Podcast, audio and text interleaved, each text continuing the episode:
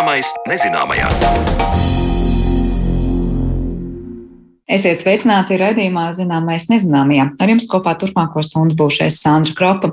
Atkrituma apjomam pasaulē pieaugot, tiek meklēti aizvien jauni risinājumi, kā mazināt to ietekmi uz vidi.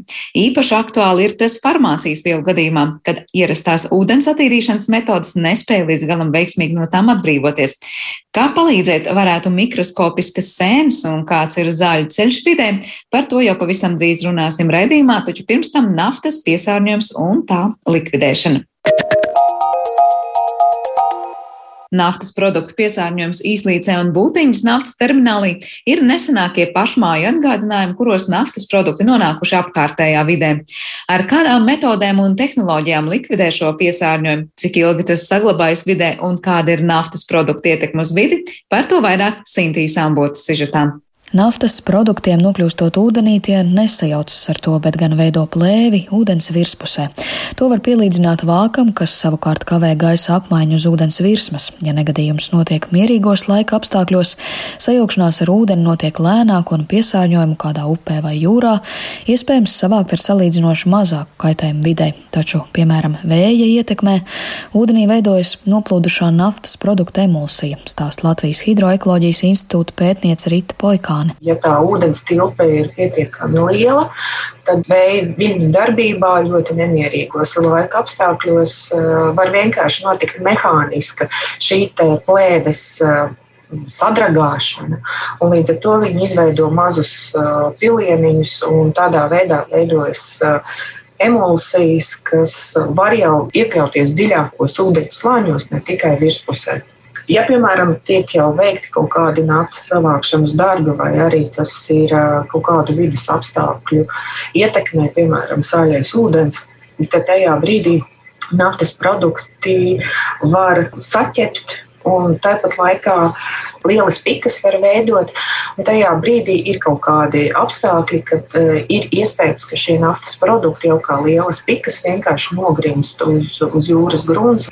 Tad tas nozīmē, ka eh, jūrā šim piesārņojumam ir lielāks potenciāls attīstīties līdz tai stadijai, eh, kas var nogrimt arī lejā un saldūdenī mazāk. Jā, sāļais ūdens varētu būt viens no būtiskākajiem faktoriem, kas varētu likt šiem naftas produktiem vienkārši tiešām izveidot tādus uh, pikučus. Latvijā viena no pēdējām naftas piesārņojuma avārijām notikusi marta nogalē līdz ar nesankcionētu pieslēgumu Sijā Latros trans maģistrālajam naftas produktu cauruļvadam. Kā rezultātā īslīces upē Rundāles novadā noplūda ap 380 litri naftas produktu, tostarp dīzeļdegviela. Vides dienas inspektori uz vietas novēroja naftas produktu piesārņojumu vismaz 5 km garumā visā upes platumā. Šādu piesārņojumu savāca ar absorbējošo bonu palīdzību. Vairāk par metu metodi stāsta Zemgals reģiona vidas pārvaldes speciāliste Evita Beitlere. Pats pats primārais uzdevums ir norobežot, lai mazinātu ietekmes to izplatību. Bonas šajā gadījumā uzsūc, absorbē no virsmas šos naftas produktus. Protams, ka vēl pēc bonām, pēc kāda laika mēs atkārtot testējam, lai noteiktu, vai tiešām no šīm ielocēm upes, no šīm zālājiem nav izskalojies vēl kāds uh, naftas produktu daudzums, kas varētu radīt kaut kādu ietekmi. Tāpēc notiek šī atkārtot apsakošana. Šajā gadījumā viens no novērojuma aspektiem, protams, ka tiek ņemts vērā arī dzīvi organismi.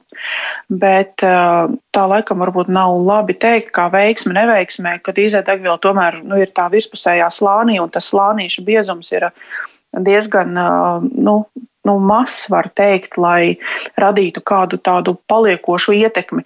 Bet neskatoties uz to, tiek vērtēts gan šos zivju uzvedību ūdenī, gan kaut kādu augu uh, izskats un krāsa, un vai kaut kas ir mainījies pēc šo naftas produktu savākšanas. Vides dienesta speciālisti turpina, ka jebkurš naftas produktu piesārņojums vidē ir vērtējams kā būtisks kaitējums, ko jāvēro ilgtermiņā.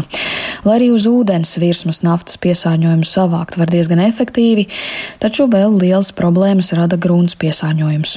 Tur, kur uh, ir konstatēta tieši šī avārijas vieta, tur jau ir uh, grunts, kā zemes gabals, tur tiek veidotas tādas tā kā bedres, kur šie naftas produkti sasūcas un tiek atsūknēti. Nedaudz savādāk ir tieši šis grunts piesārņojums, jo tur sanācija var tikt veikta līdz pat gadam. Dažkārt ir pat divi gadi, ka ir nepieciešams apstrādāt ar dažādām mikrobioloģiskām metodēm. Sliktākajā gadījumā šo gruntu ņemt ārā un aizvietot. Nu, te jau ir sanācijas pasākumi, dažādas metodes. Tas savukārt jau rada kaut kādus gan izmaksu ziņā lielākas, gan arī mm, šī aizvietošana. Tātad mēs no dabiskās vides atdalām kaut ko un liekam vietā citu nu, kā ne, ne, nezālais tur attaug šo vietu, nevar izmantot, ne, piram, ja tā ir lauksaimniecības zeme, tad viņi nevar izmantot, lai apstrādātu šos laukus. Vai, ja šobrīd mēs esam konstatējuši, ka tie ir 600 kvadrātmetri, kas ir piesārņoti, jā, grunti, tad nu, tas tomēr ir nozīmīgs piesārņojums. Saldūdens tilpnēs piesārņojuma ietekmi nosaka arī upes izmēri. Vieglāk piesārņojums savākts šaurās upēs.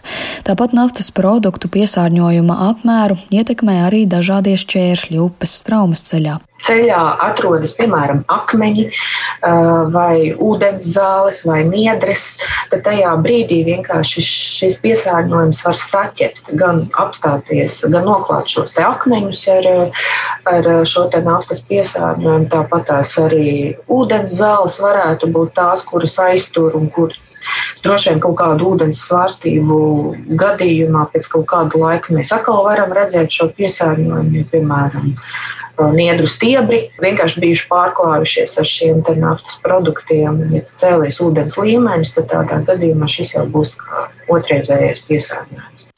Lielākoties šādās katastrofās cieši putni un dzīvnieki naftai iesūcoties spalvās vai kažokā. Kad tas dzīvnieks ir saslapinājies tajā naftā, tajā brīdī dzīvniekam uzreiz mainās termoregulācija un jāsaka tā, ka dzīvnieks vienkārši nosalst. Otrs ir tas, ka tajā brīdī, kad uh, dzīvnieks uh, mēģina sevi tīrīt, tas pats gulbis, piemēram, tīra savas spalvas, tad tajā brīdī arī notiek šī te, um, saindēšanās ar naftas produktiem, kas nonāk viņam varības traktā.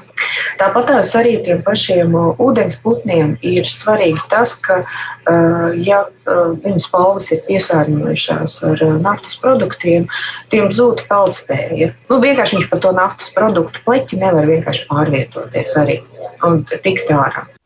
Savukārt līdz ar pētnieces pieminēto otrreizējo piesārņojumu jau vairāk var ciest arī konkrētās ūdens tilpnes bentiskie, jeb uz grunts mītošie organismi, un galu galā arī cilvēki, kas tos patērē uzturā. Piemēram, tie varētu vēžveidīgie būt kas uh, dzīvo uz grunts. Tie var būt arī dažādi kukaiņu kāpuri, kas uh, ierušinās uh, upju un saldūdeņu gruntīs. Piemēram, jūras ekoloģijā tie varētu būt dažādas bentiskās zīves, kā piemēram pleksnes. Un tāpat tās arī tie varētu būt arī kaut kādas ēdama gliemeņas, kur teiksim, piesārņojums tajā brīdī tiešām noklāja kaut kādus lielus apgabalus. Ir uh, testi, kas uh, ir izveidoti, piemēram, noteikti uh, poliaromātisko ogļu ūdeņražu metabolītu koncentrācijas pleksta žultī. Un, uh, Tāpat arī tiek pētīts, cik daudz šo metabolītu joprojām ir šajās ēdamgliemenēs. Un, jo tajā brīdī, ja šie metabolīti nonāk arī cilvēkam uz galda, tad tajā brīdī mēs arī tiekam ietekmēti ar šo piesārņojumu. Arī tad, ja piesārņojums noticis kādā iekšzemes upē, tas galu galā var ietekmēt arī jūru. Tiesa gan pētniece vērtē, ka naftas produktos esošās ūdenī šķīstošās frakcijas, mērojot ilgstošu ceļu, šīs sekas var arī mazināt.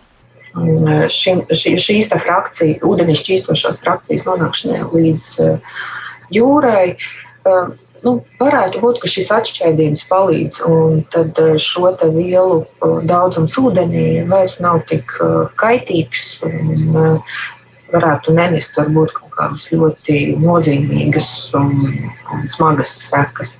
Principā ir tā, ka Viss ir atkarīgs, protams, no tās katastrofas apjoma.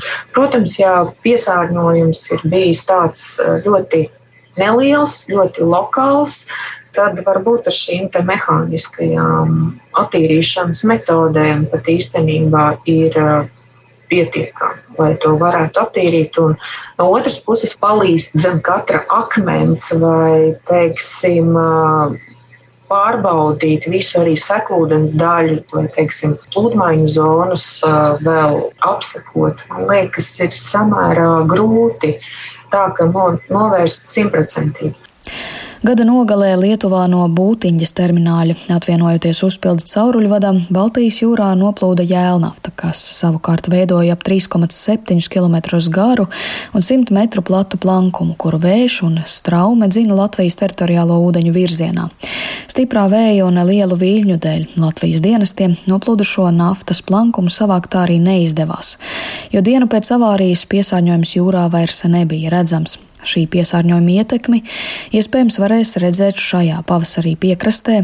Gada sākumā Latvijas radio stāstīja valsts vides dienesta zvejas kontrolas departamenta direktore Evija Šmite. Bija no 1 līdz 2 metru viļņi.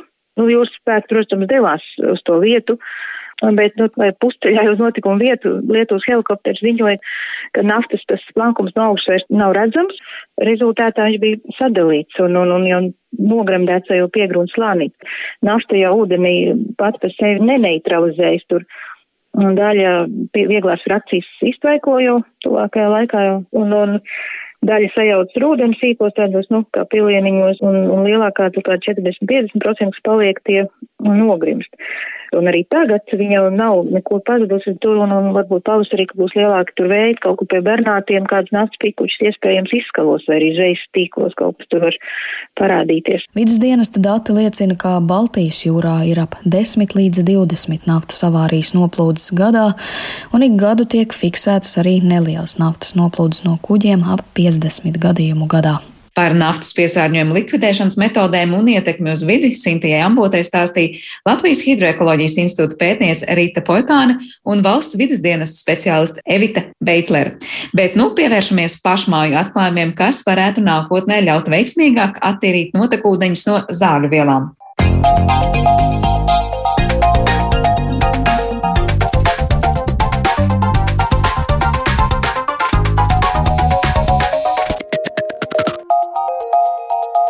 Zināmais nezināmajā. Cilvēku skaits pasaulē pieaug un pieaug arī medikamentu patēriņš. Līdzīgi kā ar jebkuru preci un produktu, šobrīd arī zāļu vielas nonāk vidē.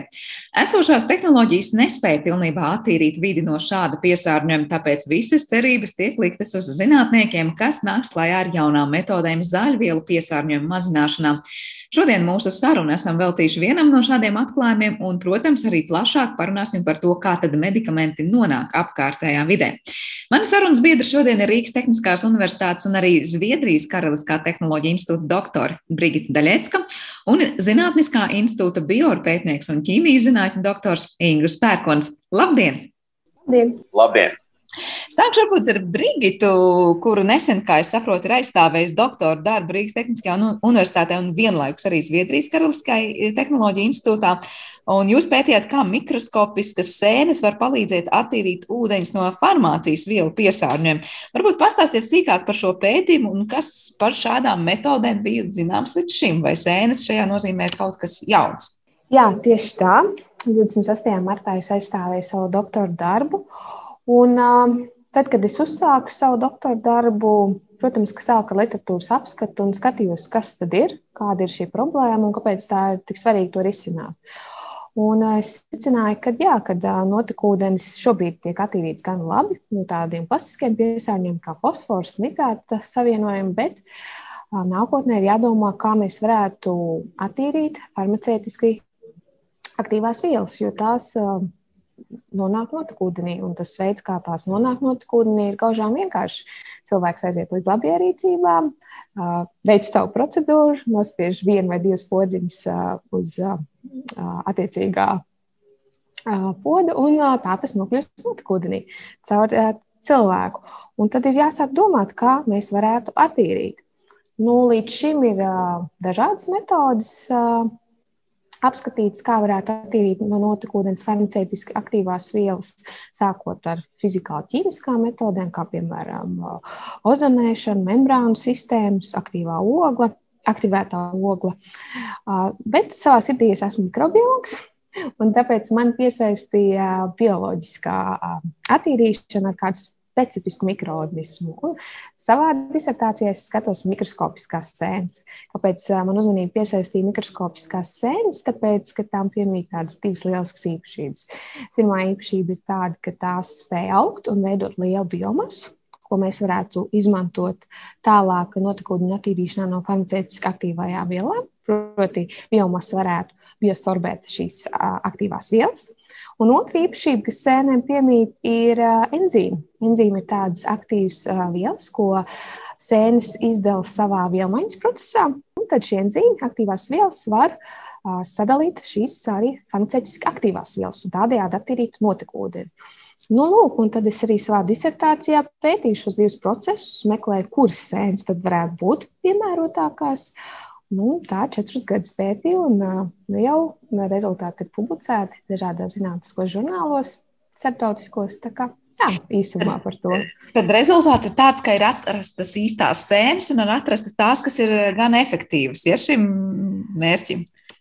Es gan negribētu apgalvot, ka ir atrastas nu, tās visīstākās sēnes, bet ir veikti dažādi pētījumi, skatīts, kuras sēnes varētu būt piemērotas. Savā darbā es sāku ar dažādām, kādām ja nemaldos, kādām desmit sēnēm, no kurām es beigās izraudzījos vienu to, kas ir tāda visefektīvākā, bet, protams, tas neizslēdz vēl iespēju, ka tur vēl ir kāda sēne, kas varētu tikt izmantota. Un savā darbā man šķiet arī interesanti ir tas, ka notekūdeņos jau dabiski ir atrodams mikroskopiskās sēnes. Ne tikai baktērijas vai kāda vienšūna, bet arī mikroskopiskās sēnes tur ir atrodamas.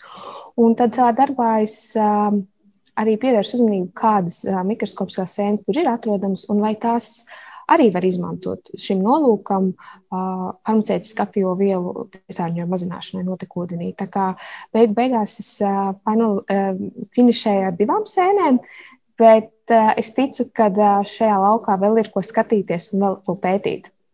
Jā, tātad cenas varētu vēl ar laiku kļūt vairāk tās, kuras varētu tikt izmantotas tieši ar farmaceitisko piesārņojumu bagātajos notekūdeņos. Bet vēl pirms es dodu vārdu arī Ingum, eh, kā notika, tika pētīt tās sēnes un uzbūvēts kaut kāds bioreaktors, kurā tas viss notika? Kāds bija tas process un kā tas izskatījās?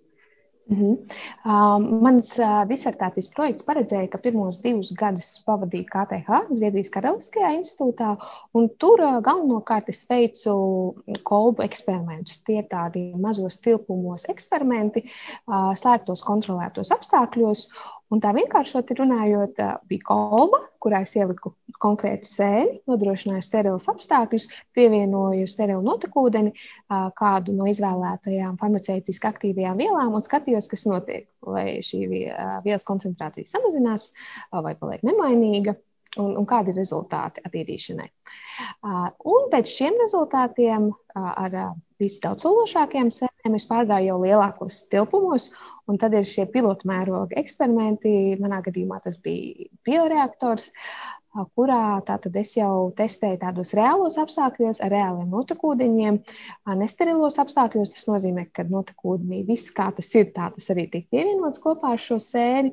Un skatījos, kā šie rezultāti mainās, kā ietekmē rezultāts, ja mēs palielinām jau lielākos tilpumos. Jo, protams, ja mēs gribam runāt par šo metodu tiešām reālu izmantošanu, tad mums nepietiek tikai ar kolbu eksperimentiem mazos tilpumos. Mums ir katru reizi jāliek klāt kāds solis, jāpalielina tilpumi, jāskatās, kā šīs sēnes darbojās reālos apstākļos. Un, un tā kā arī šo soli es darīju, un mani bioreaktoru eksperimenti notika šeit Rīgā pēdējos atlikušos divos gados.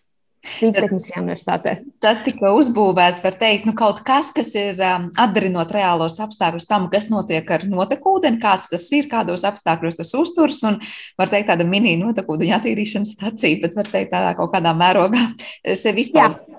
Uh, bet, Jā. Uh, Cik lielā mērā mums Latvijā vispār ir pētīts, kā šos notekūdeņus tieši no farmācijas vielām bagātos un piesārņotos notekūdeņus attīrīt? Ingu, varbūt ir kādas metodas, ko vēl vēlētos iezīmēt?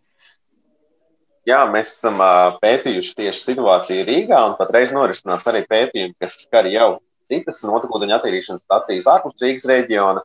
Un, uh, pirmie pētījumi sākās pirms aptuveni 4-5 gadiem, kuros tiešām konstatējām, ka šajos attīrītajos notekūdeņos ir sastopama diezgan liela puķa dažādu farmaceitisko vielu. Ja nemaldos, no 24 dažādām atšķirīgām vielām, kuras mēs meklējām, mēs varējām ieraudzīt 20. Protams, kad šādi vienkārši traktējot to, nevajag teikt, tas jāņem kontekstā ar koncentrācijām, kas ir ieraudzīts, jo lielākajā daļā savienojumu bija novērojams šis samazinājums salīdzinot ar neatīrītiem notekūdeņiem. Bet tik un tā, tas nu, labi ilustrē, ka kaut kāda neliela daļa no šīm aktīvajām farmaceitiskajām vielām tomēr izsprūk ārā no notekūdeņu attīrīšanas stacijām, un attiecīgi tad arī var nonākt apkārtējā vidē. Un, uh, tur tie savienojumi bija dažādi, sākot no uh, labi zināmiem precātu līdzekļiem, kurus var nopirkt bez receptes, līdz pat uh, dažādām antibiotikām un pat uh, antidepresantiem. Tā kā viss iespējamais spektrs, ko mēs varam ieraudzīt aptiekā, gandrīz ir mazos līmeņos ieraugāms arī mūsu pašu notikumi. Vai tas mazais līmenis koncentrācija, kādā tas ir notekūdeņos, ir tas pamats satraukumam, ka nu, tas var novest pie kaut kādām diezgan nelabām sekām. Vai mēs varam teikt, ka nu, tās koncentrācijas ir tik mazas, ka tur liels ietekmes uz vidi tur ļoti nopietnas tas nevar radīt? Tas ir ļoti diskutabls jautājums, tādēļ, ka eh, līdzinējie pētījumi liecina, ka koncentrācijas, kas ir teiksim, desmit reizes augstākas par to, ko mēs varam novērot attīrītos notekūdeņos, patiešām spēja radīt uh, kaut kādus negatīvus efektus uh, tur mītošajiem organismiem. Vai tie ir kaut kādas uzvedības traucējumi, vai tie ir uh, ilgstoši kroniskas anomālijas, kas uh, rodas mutācijas, dažkārt arī reproduktīvās sistēmas izmaiņas. Un uh, koncentrācija atšķirības ar pētījumiem, kas ir veikti, un par to, ko mēs redzam realitātē, ir 10, 20, dažkārt 50 reizes. Un it kā mēs redzam, ka pastāv tāda tā drošības robeža jā, starp to, kas atrodas apkārtējā vidē un kas ir novērojams laboratorijā, bet nedrīkst viennozīmīgi apgalvot, ka šie līmeņi būtu droši. Un uh, jāsaprot arī tas, ka uh, notekūdeņi nav konstanti, kad uh, tie līmeņi mainās no dienas uz dienu atkarībā no tā, kāda ir konkrētajā. Kāds, kāds stāvoklis ir šai notekūdeņu attīrīšanas stacijai? Noteikti Brigita varēs papildināt par to, ka attīrīšanas stacijas nestrādā vienmēr ar konstantu slodzi. Jā, tā mainās, mainās notekūdeņu atšķēdījumi gan no nokrišņiem, gan no teiksim, šīs slodzes, ko mēs paši redzam. Un arī no tā var radīt tādi mazi, spēcīgi impulsi, jā, kas dabai īslaicīgi var radīt nopietnu problēmu. Jā, paldies, Brigita, par, par tikko Ingūras aktualizēto jautājumu. Tad kā ir ar šo notekūdeņu attīrīšanas slodzi un jā, kāds tas process, kā tas notiek? Jā, es uh, Ingūram Ingum varu viennozīmīgi tikai piekrist uh, visiem tiem apgalvojumiem, ko Ingūns teica. Un, man pat nav īsti daudz ko papildināt, jo Ingūns tik labi noraksturoja šo situāciju. Tas, ko es vēl varu bilst par šīm farmaceitiski aktīvajām vielām, vispār par bīstamiem savienojumiem, kas ir notekūdenī, kas ir līdz šim novērots, kad ļoti atšķirās arī no farmaceitiski aktīvajām vielām, no tā veida kādas tās ir, kā tās tiek, cik efektīvi tās tiek attīrītas jau ar līdzinējām klasiskajām attīrīšanas metodēm. Tā tad ir vielas, kas jau diezgan labi jau šobrīd ar, ar aktīvajām dūņām, ar biosorpcijas palīdzību tiek attīrītas, bet, protams, ir tādas vielas, kā Ingūns teica, kas izsprūgst cauri tomēr jau esošajām attīrīšanas metodēm. Tāpēc ir laicīgi jāsāk domāt, kāda varētu būt šie papildus attīrīšanas soļi jau esošajām attīrīšanas sistēmām. Bet, ja mēs eh, runājam šeit tieši par tām sēnēm, kā risinājumu, tad kā tas realitātē strādāt? Nu, tajā brīdī, kad notekūdeņi jau ir notekūdeņa attīrīšanas stacijas, es nezinu, kaut kādā beigu posmā tās sēnes tur tiek pievienotas vai sākumā, vai nu, kāds ir tas scenārijs? Jā, ļoti labs jautājums, jo savā disertācijā tieši arī apskatīju šo jautājumu, nu, kurš tad varētu būt tas posms, kad mēs varētu, pat ja tās nav sēnes, vai kā, ja tā ir kāda cita metode, kurā solī tad mēs varētu izmantot šo alternatīvo attīrīšanas metodi. Ja, sāku, ja disertācijas sākumā es domāju, ka tā varētu būt pirmsattīrīšana pašā sākumā, Tad šobrīd es vairāk slēdzos, ka tomēr tā būs pēcattīrīšanas papildus solis. Pēc tam, kad jau visam, visiem klasiskajiem attīrīšanas soļiem ir izgājis notekūdens cauri, un tad vēl kā ekstra soli mēs pievienojam šo attīrīšanas metodi, kas tieši fokusējās uz bīstamo vielu attīrīšanu. Bet ir kaut kādi nu, trūkumi vai izaicinājumi šai metodē, ka, piemēram, nezinu, pievienojot šīs sēnes, kaut kādā brīdī mēs panākam atkal kaut kādu nedraudzīgu vidē vai veselībai efektu. Ir pamats domāt, ka ir jāizvērtē vēl kaut kādi riski. Par tieši, ja mēs runājam par mikroskopiskajām sēnēm, tad šī metode noteikti vēl nav tādā stadijā, ka mēs varam uzreiz ņemt un likt attīrīšanas sistēmā. Noteikti nē, šai metodē vēl ir ļoti daudz izaicinājumu. Kā pirmo es varu minēt kaut vai tas, tāpat, tas pats process, kā tas notiek un cik daudz sēni mēs pievienojam šajā attīrīšanas solī. Proti, cik daudz biomasas mums ir nepieciešams, lai efektīvi attīrītu no piesārņojuma, un kā šī biomasa miedarbojās ar dabiskajiem mikroorganismiem, kas jau ir sastopami notekūdenī. Tas ir diezgan liels izaicinājums, jo sēnes ir diezgan tādas, es teiktu, cimperlīgas, un tās ļoti nemīl sev apkārt citus mikroorganismus.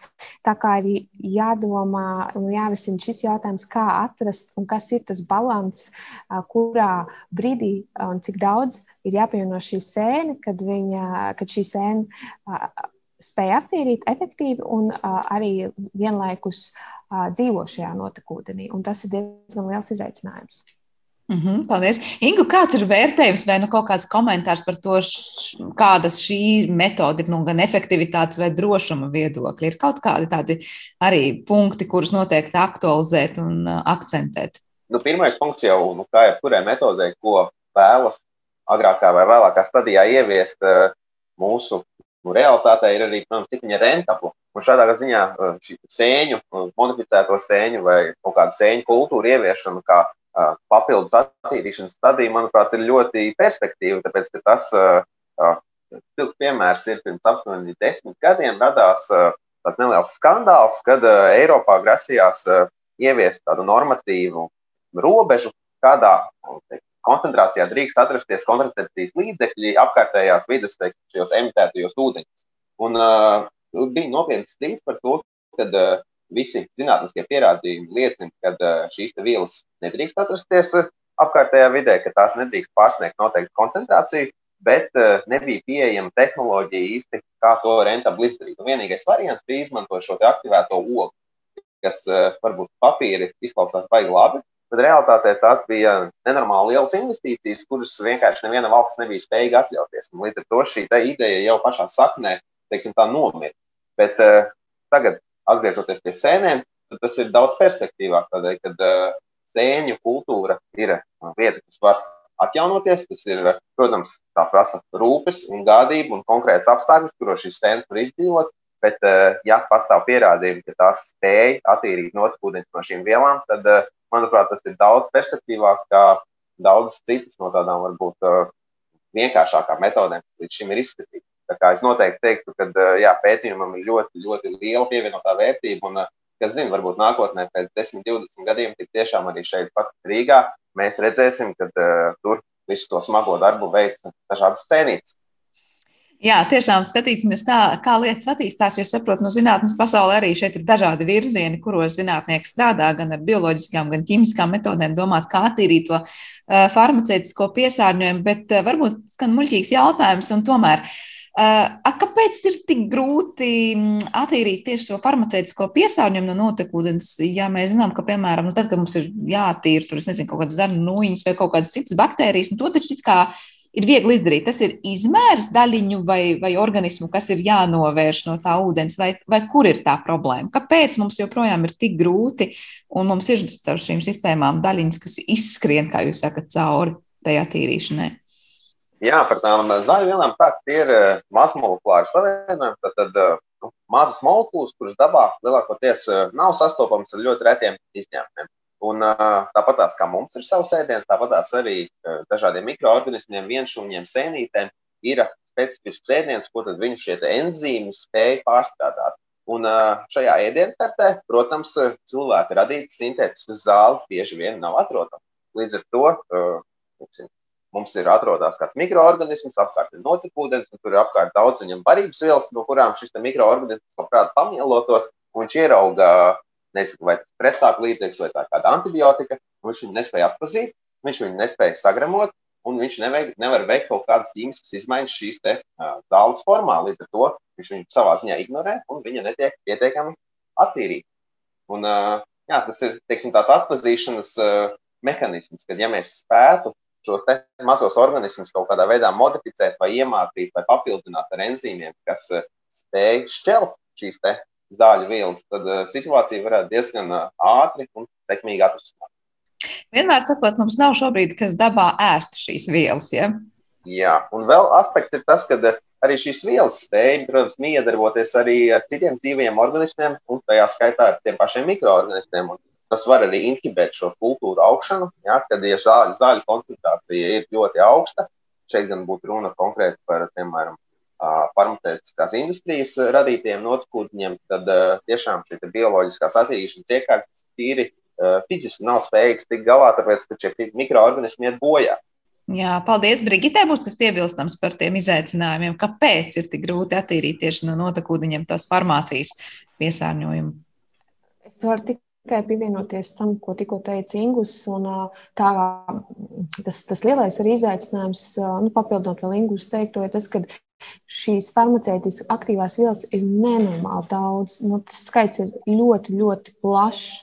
Un, uh, tas izaicinājums šobrīd var, vislielākais, es domāju, šobrīd uh, zinātniekiem ir, uh, vai vispār, es teiktu, jautājums, vai vispār ir iespējams atrast metodi, universālu metodi, kas spētu visas šīs uh, uh, bīstamās vielas attīrīt.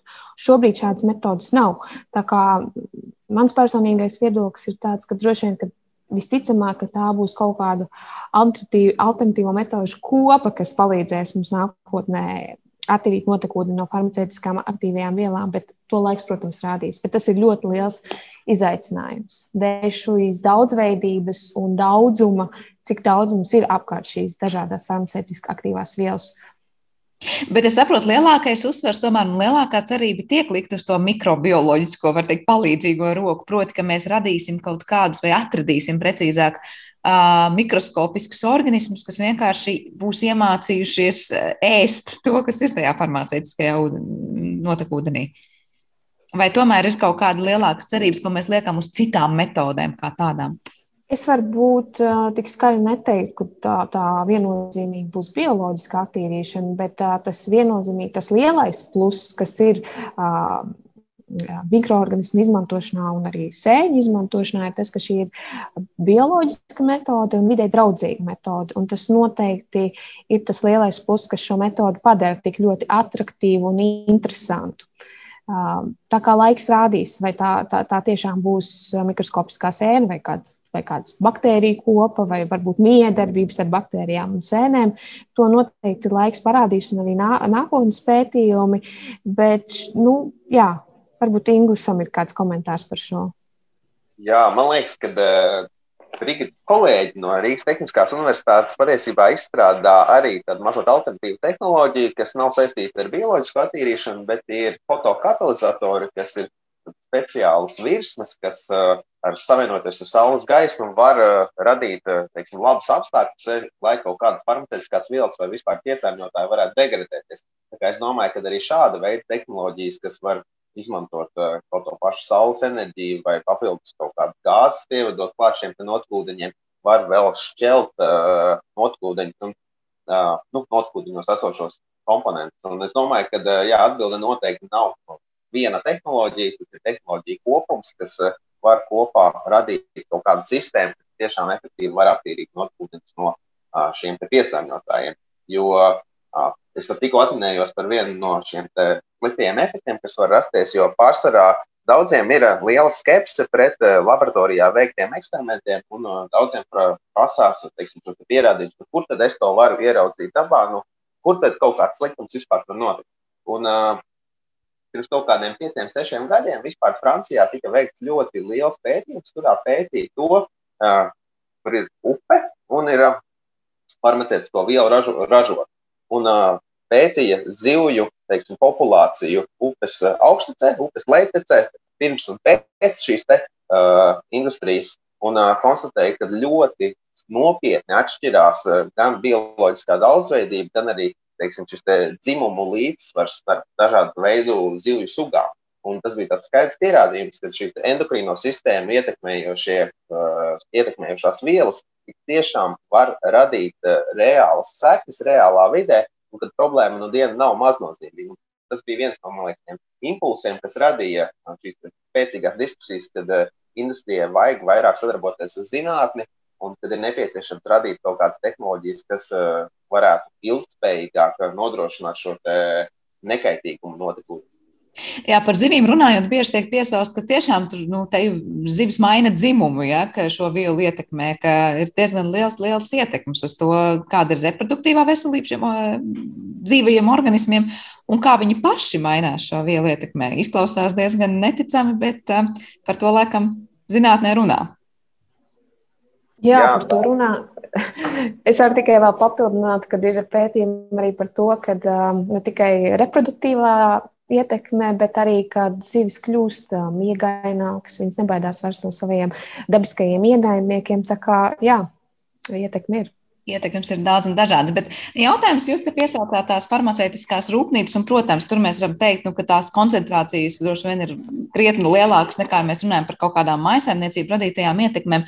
Un tomēr Brigita sarunas sākumā teica, ka nu, neizbēgami katrs no cilvēkiem, kurš savā mūžā dzēris zāles un gājis uz toleti, tātad šo te e, piesārņojumu rada. Bet cik lielā mērā piesārņojumu rada arī nu, tās mūsu pārādumu maiņas? Es saprotu, ka ir daļā sabiedrības joprojām jaunums. E, tas, ja mēs sakām, ka nevar vecās e, tabletes vai citus medikamentus vienkārši izmest kanalizācijā vai arī vienkārši atkritumos, Vai ir mērīts tās ietekmes, cik liels tas piesārņojums veidojas, ja tiešām tās ir cilvēku paradumu un vienkārši nezināšanas sekas, proti, izmet zāles, kur pagadās?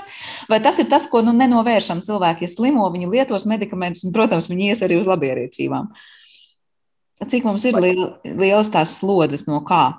Jā, nu tāda reāla aprēķina jau īsti nav. Es esmu lasījis pētījumus, kur ir tādas uh, spekulatīvas aplēses, kas, uh, man liekas, pat uh, zem liekas, zem par 5% varbūt no tās kopējās slodzes radās no uh, nepareizas uh, farmaceitisko vielu utilizācijas, kas norisinās mājsaimniecībās, kad cilvēks ierauga uz zāles skapītī ar beigšos derīgumu termiņu un izmet ārā. Jo, nu, ja mēs tā katrs paskatāmies uz savu ikdienu, tad uh, nu, es domāju, ka mēs pārāk bieži zāles ārā nemetam un it īpaši nebaram viņus podā. Bet uh, ļoti tāds nozīmīgs faktors patiesībā ir šī farmaceitiskās rūpniecības uh, karstie punkti, kur eh, ļoti augsti šie emisijas līmeņi var būt kaut kādam konkrētam vienam vai diviem savienojumiem. Lai gan uh, tas kopējais piesārņojuma apjoms lielākoties nāk tieši no mums, no tā, ko mēs izvedam ārā no organisma, tad tie mazie karstie punkti, kas var radīt tādas tūlītējas sekas, patiesībā ir saistām tieši ar ražošanas industriju. Un tas, es pat teiktu, ka tās pirmās pilota tehnoloģijas noteikti ir jāizmanto tieši lai attīrītu šo te, uzlabotu šo efektivitāti zāļu ražotnēs, un tikai tad ir vērts pievērsties eh, teiksim, šī te pilsētu un ūdeņa attīrīšanas sistēmai.